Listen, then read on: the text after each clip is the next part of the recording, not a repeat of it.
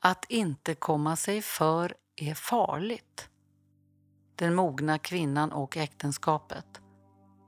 Det är en uppfordrande bok som Gulli har lånat ut till henne. Men Maj håller ju så innerligt med författarinnan, egentligen. Ändå retar de henne, de där orden. Att inte komma sig för är farligt. Vad händer då? Vad skulle kunna hända om man lät bli och allt fick vara lite hipp som happ, hur som haver? Åtminstone ibland. Det är så mycket som den mogna kvinnan ska tänka på. Du är mogen nu, Maj. Ja, 40 år. Citatet är hämtat från boken Liv till varje pris. Den avslutande delen i Kristina Sandbergs epos om Maj i Örnsköldsvik som belönades med Augustpriset 2014. I den första delen, Att föda ett barn, blir Maj oplanerat gravid med den betydligt äldre frånskilde fabrikörssonen Thomas. Trots att de knappt känner varandra gifter de sig och Maj gör en klassresa genom sitt äktenskap. Hon blir en hemmafru som mitt bland matos, småbarn och höga krav på duglighet ska hantera livets stora frågor. Du lyssnar på podcasten Hemmafru med författaren Kristina Sandberg och konstnären Sven Teglund. I denna samtalsserie möts också två ångermanländska hemmafruar. Den fiktiva karaktären Maj och Svens verkliga mamma Siri.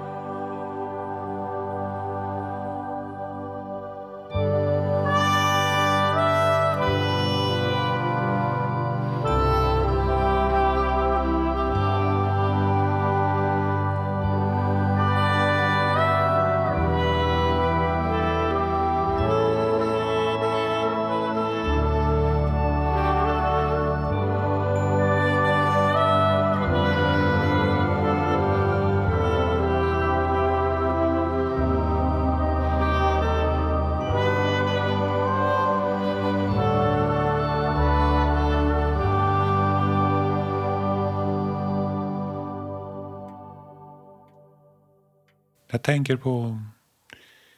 Um, kvinnorna fick ju ta hand om sina barn och se till försörjningen. Männen tog ju inte det ansvaret. De jobbade ju. Men vilken roll hade alkoholen egentligen? Den var ju verkligen stor på den tiden. Eh, det var ju före motbok och sånt där när man försökte göra någonting åt när folk höll på att supa ihjäl sig.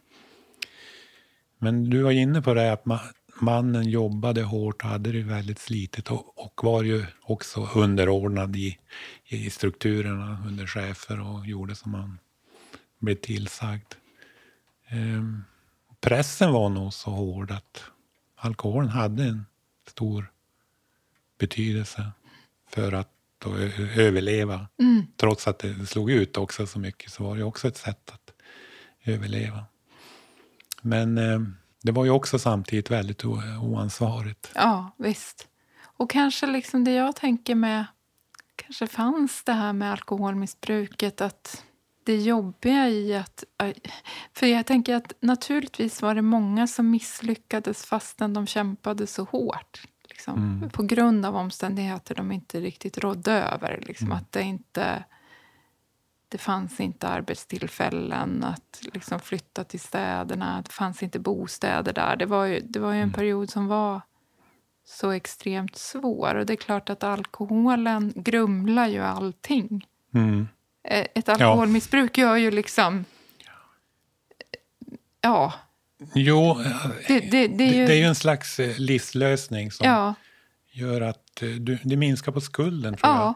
Den egna skulden. Om du är nykter och misslyckas då har du bara gjort... då, då, det finns inget att skylla på. Ja, men om, om, om Sven drabbas av alkoholism ja. kan man alltid... Han, ja, han, hamnar i spriten. Ja. Alltså det finns en, en skillnad mellan egen skuld och att ha drabbats av spriten. För den, den ses ju också som att den tar över. Man blir beroende. Och, så att Eh, man kan också se dubbelt på hur dubbelt sprit handlar. Alltså att det är också en räddning för många att slippa den här skuldkänslan över att, att de misslyckas. Jag tänker på, nu tänker jag på din Thomas. Det, det är ju en eh, långsam katastrof egentligen. Han, han är son till en entreprenör, tar över pappans företag tillsammans med bröderna. Men det går sämre och sämre. Och han, är, han fyller liksom inte kostymen någonsin efter pappan.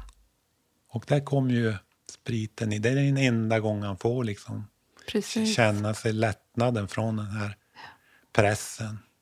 Att inte duga, inte klara sig. Och det slutar ju illa. Företag blir övertaget, de får sälja det och nedlagt och han förlorar sin status och börjar jobba som vaktmästare på, på Statt. Va? Ja. Ja. Så det är, det är en lång karriär med spriten i, i perioder.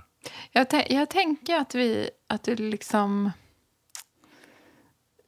För det måste man ju också tänka hur det liksom på Bettys tid och då alkoholismen var så. För det är ju eh, en av anledningarna till att liksom folkhemmets, hela folkhemssträvandet och hela idén om, om bostaden också var ju det här att om vi får bättre bostäder kanske, kanske männen håller sig hemma från krogen.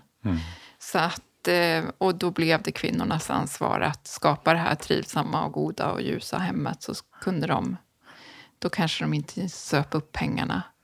Eh, Men man, man, alltså på ett sätt, alltså alkoholen generellt, vad den ställer till med. För det jag tänker, det Thomas också är drabbad av, är ju det vi alla kanske sitter i, i nu idag. Att det är liksom alkohol är fest och det är liksom livsglädje och det är att kunna njuta av livet. Och det, det, det finns ju en väldigt, väldigt, ett väldigt skimmer har ju funnits runt alkohol.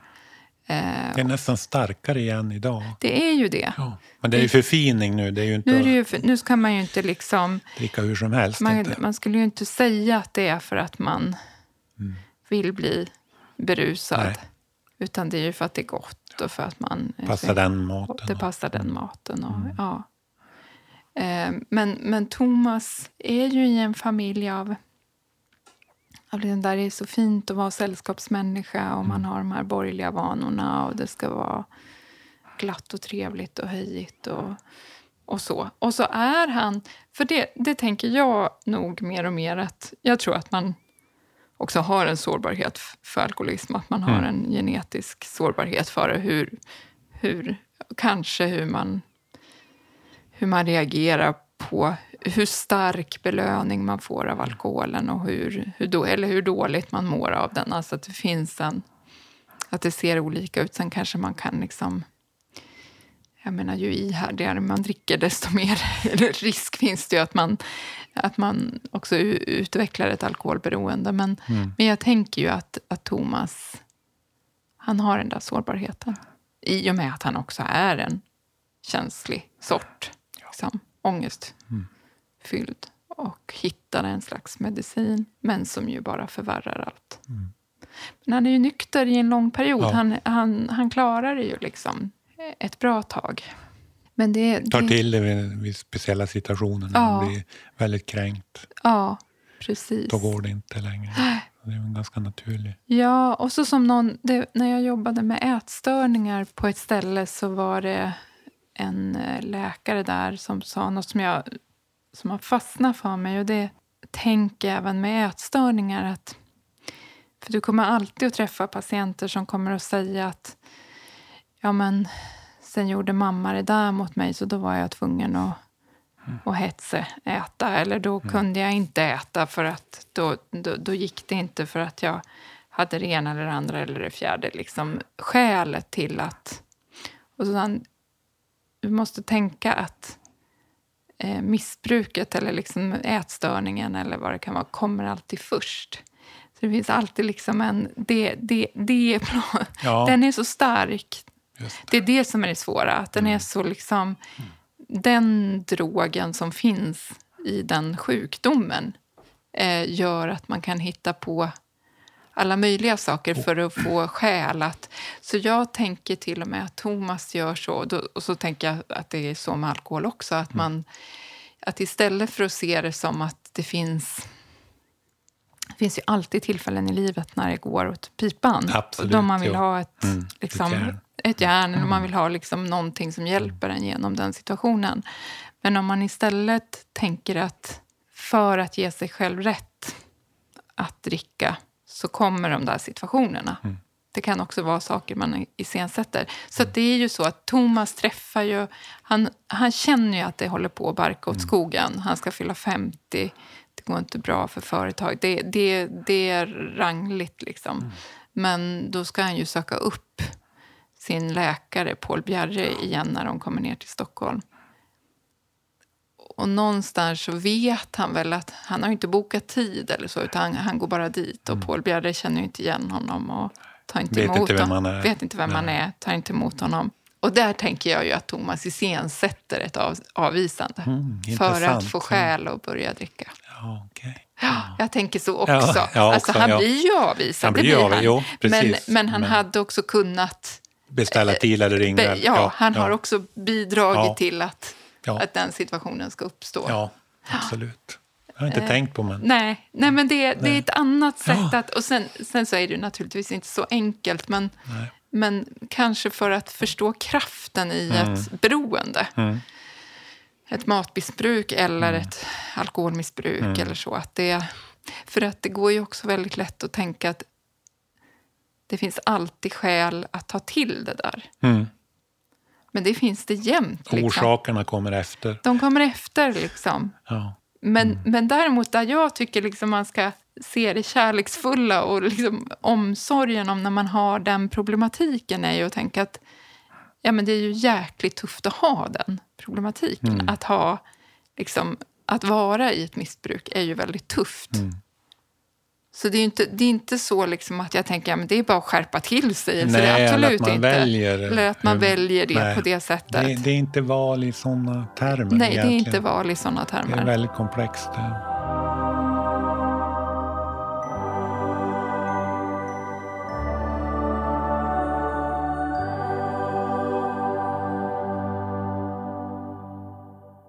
Men visst, det här med beroendet och att vi är olika känsliga för det.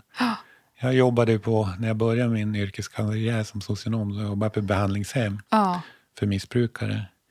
Och eh, eh, alkohol är ju socker egentligen. Så det, det är ju, man kan ju också bli sockerberoende säger man ju nu. Jag, jag kom att tänka på det en dag.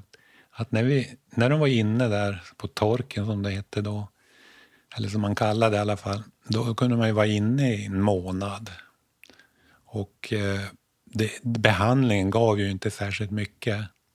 Utan man samtalade om väldigt mycket då på 70-talet var det ju vilka orsakerna var. Och, och orsakerna låg ju ofta Hos i- mamma. Hos mamma. det var ju så. Ja. alltså, nästan alltid. Och det skulle man... det, pra- det, är visst ett, det är här- ett det- brott. det är bra. Och psykologen, alltså, Ja. alltså, det psykologiska tänkandet var så.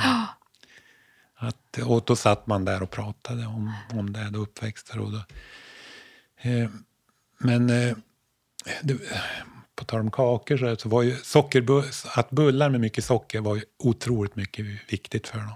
Alltså även för behandlingshemmet. För att man fikade jättemycket. Och jag tänker att det var att hålla beroendestången med att äta väldigt mycket socker. Jag kan säga att Lena Anderssons tes är ju Ja. Ragnar, vet du, Sveas Ja. Det är att han äter bullar istället. För, han blir inte alkoholist, utan Nej, han, han, han. äter socker Ja. istället. För att hålla det väldigt regelbundet. Men, men att för att alkoholen är liksom den... den Ragnar vill ju ha kontroll. Ja. Mm. Han kan vill ju inte tappa sina egna konturer och gränser och sådär. Utan då han, han ska ju hålla ihop. Mm. Och alkoholen är för... Det- Det är för lätt att sväva iväg och förlora, för- förlora sina konturer i Ja, det alkoholen. vill han inte, Det nej. vill han inte. Nej, Men, men men socker. med socker går det. Liksom Ja. att, Och jag vet också länkarna när man hälsar på dem. Mm. Det var otroliga fikabord där. Mm. Men ofta sådana här eh, sockrade läng- längder. Mm. köttbullängder som man skär upp, va? som man köper på affären. Det är mycket, väldigt mycket socker i det. Så det, jag, håller med Lena Andersson där, att det hjälper mot, mot alkoholism. Eh, till, tillfälligtvis i alla fall.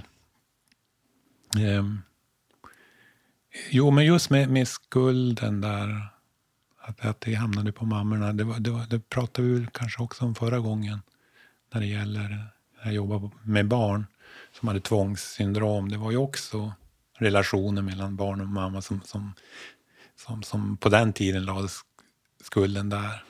Och sen vet man ju att så är det ju inte. Men det är, det är en hemsk historia egentligen.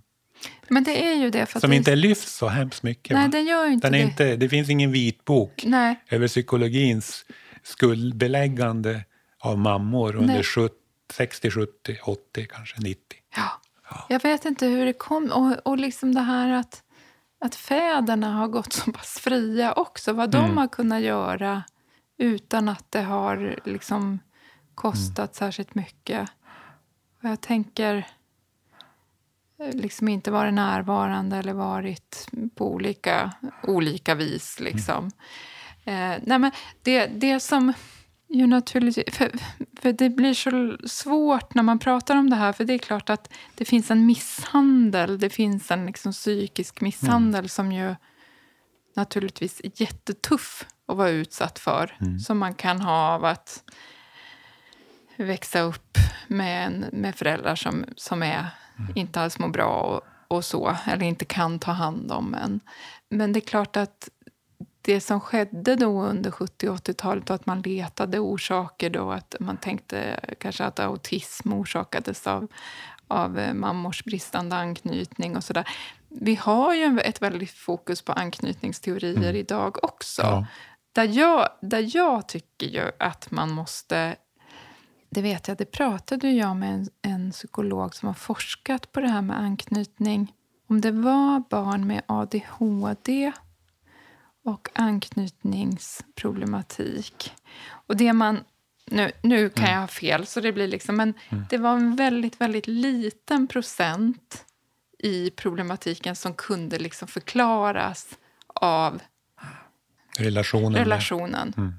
Anknytningen alltså, mm. mellan förälder och barn. Mm. En liten del kunde förklara, men säg att det var liksom 4 mm. procent eller något ja. så här, alltså tio, ja, någonting sånt. Och då har du ju fått en liten slagsida åt att, mm. att det spelar jätte liksom att, det, att det är det avgörande. Sen är det ju otroligt viktigt att man... För att jag tror att faran med det är att man skapar sån skuld hos mm. föräldrarna. Mm.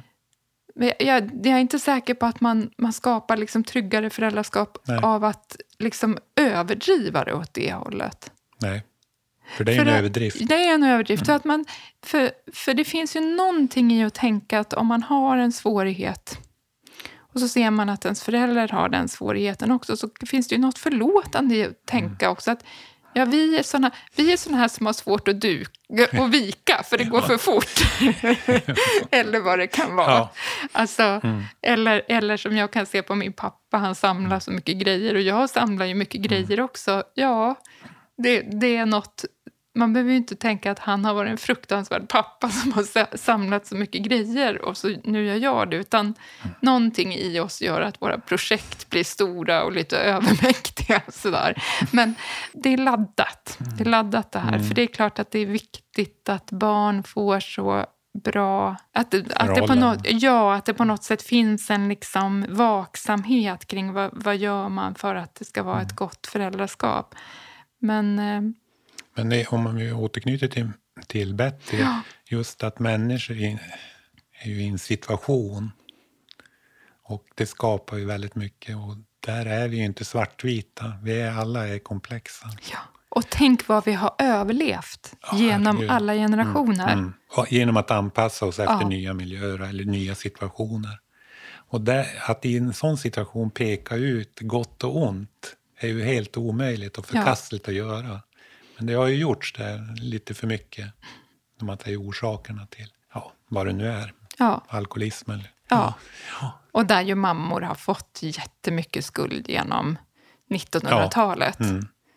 Men det var ju också, det, det är ju också för att eh, kvinnor är mödrar Mm. och moderskapet var bara fortsättningen på mm, att mödra Mm. barn. Så att eh, uppdraget har legat på kvinnan. Och därför, som du säger, så har ju män inte behövt ta något ansvar för det. För det har ju legat på... Och jag vet inte. Så, som i, i Bettys del så är ju hon som får se till att barnen överlever. Och han har stått för att det blev på det där sättet. Men han har ju ingen, behöver aldrig känna någon skuld i det. Nej, men för det som är eh, liksom som blir som man måste ju ha med i beräkningen. Det här att Betty tappar tålamodet och allting. Och kanske väldigt många mammor gör genom liksom, alltså att vara med små barn. Det finns ju ingenting som kan vara, alltså det beror på vad man har för barn, men ett barn som är inne i en svår trotsperiod eller så här, liksom, som är helt naturlig, för det är ett sätt att upptäcka världens gränser så där, och vad, vad, vad man ska... Alltså då kan man ju tappa humöret, eller man liksom, men det behöver ju inte betyda att man är en en helt opel, opolitlig person. Liksom. Så, att, så att jag fick ju en teori när jag själv var mamma, att när jag läste så mycket av faktiskt framförallt manliga teoretiker som skrev om föräldraskap. Jag tänkte, men ni har suttit i en sval kammare någonstans och tänkt, tänkt till här. Och det låter jättevackert allt, men har ni varit med små barn i liksom in action? Så. Då, var, då, då kände jag att den som hade varit det, det var, det var Malin Alvén. Så den, den barn och föräldrapsykologen som verkligen kunde ha solidariteten både med, med barnet och med föräldern. Liksom, att, att det inte är så enkelt, för att det kan ju bli så oerhört vackert liksom, när man... Ja, så ska man vara... Även så Jesper Juhl som var så populär Ja. när jag... Alltså, och så skulle man säga så till barn. Så ska man göra så. Ja, tanken är väldigt liksom, god, men livet är alltid mer komplext. Mm. Det, är, det, det, det är ju svårt i de här beteendevetenskaperna som vi rör oss kring. Liksom. Det är så viktigt för att... Alltså det är klart att det var skit och man blev misshandlad och man trycktes ner och allting. Och det, men men jag, är, jag är ju lite influ... Det, här pratade vi om förra gången också, vet jag, om, om amerikanska Ta-Nehisi Coates som skrev om eh, afroamerikaner i, i USA. Den uppfostran liksom, som ofta var så hård. Att, att den var rationell i förhållande till Förbereda sig för livet. det otroligt hårda samhället. som Så tänker jag för Betty och eh, det är ju jättehårt. Sen är ju, hon lyckas ju vara, hon är ju väldigt, hon beskriver ju sin kärlek till barnen också. Hon känner ju den kärleken till, inte först då till Bengt-Axel, det, det är för, då har hon det ju för svårt. Hon kan ju inte Det, ta finns till ju, sig inte, te, Nej, det nej. finns ju inte över liksom någonting.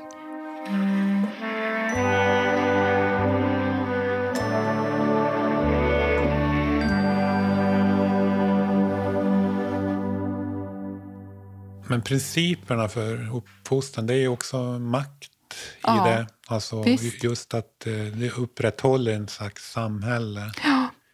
Och eh, på 50-talet var det ju... Då, var, då började väl det att man skulle lyssna lite mer på barnen men det var ju ändå väldigt mycket disciplin. Mm. Det här med fyra Timmars timmars amning och allt det, det. Det har ju hela tiden följt med olika teorier. Och det, det är för att upprätthålla makt också. Det måste man ju.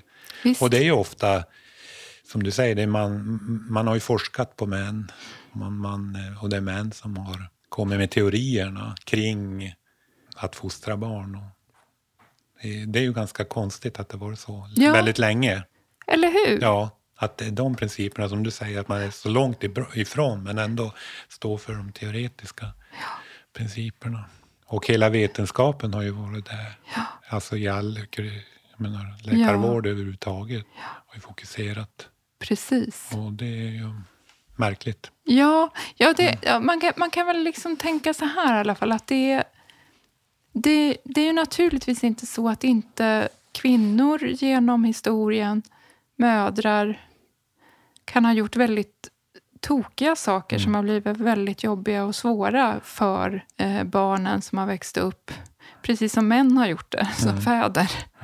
Men å andra sidan så har vi någon liksom enorm överlevnadsförmåga. Det är ju någon liksom dubbelhet hela tiden i, i allting, tänker jag. Och att, att, att det kanske är bättre för ens personliga del om man tänker att de gjorde så gott de kunde utifrån den, de förutsättningarna som fanns. Mm. Liksom. Alltså jag, jag, tänker, jag tänker till exempel på när jag har tittat på dokumentären om, om Ingmar Bergman och Ingmar Mm. Bergmans mamma som ju är så...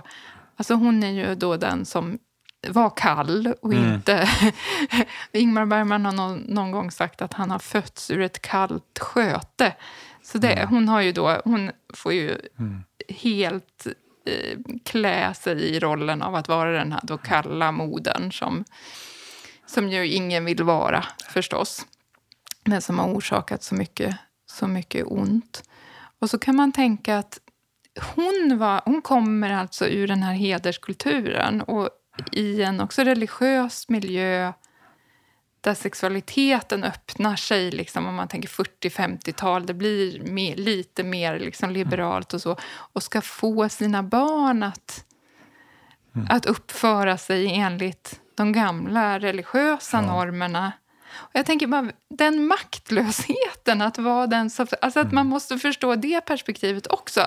För som du säger, det är ju ett sätt att upprätthålla makt. Men det är ju liksom uppdraget till föräldrarna genom historien. Det är väldigt svårt att tänka sig att de skulle kliva åt sidan och säga Absolut. det här vill inte jag gå med på, det här är ju helt tokigt. Ja. Nej men Ingmar, ut och Mm. flirta på du, det är ingen...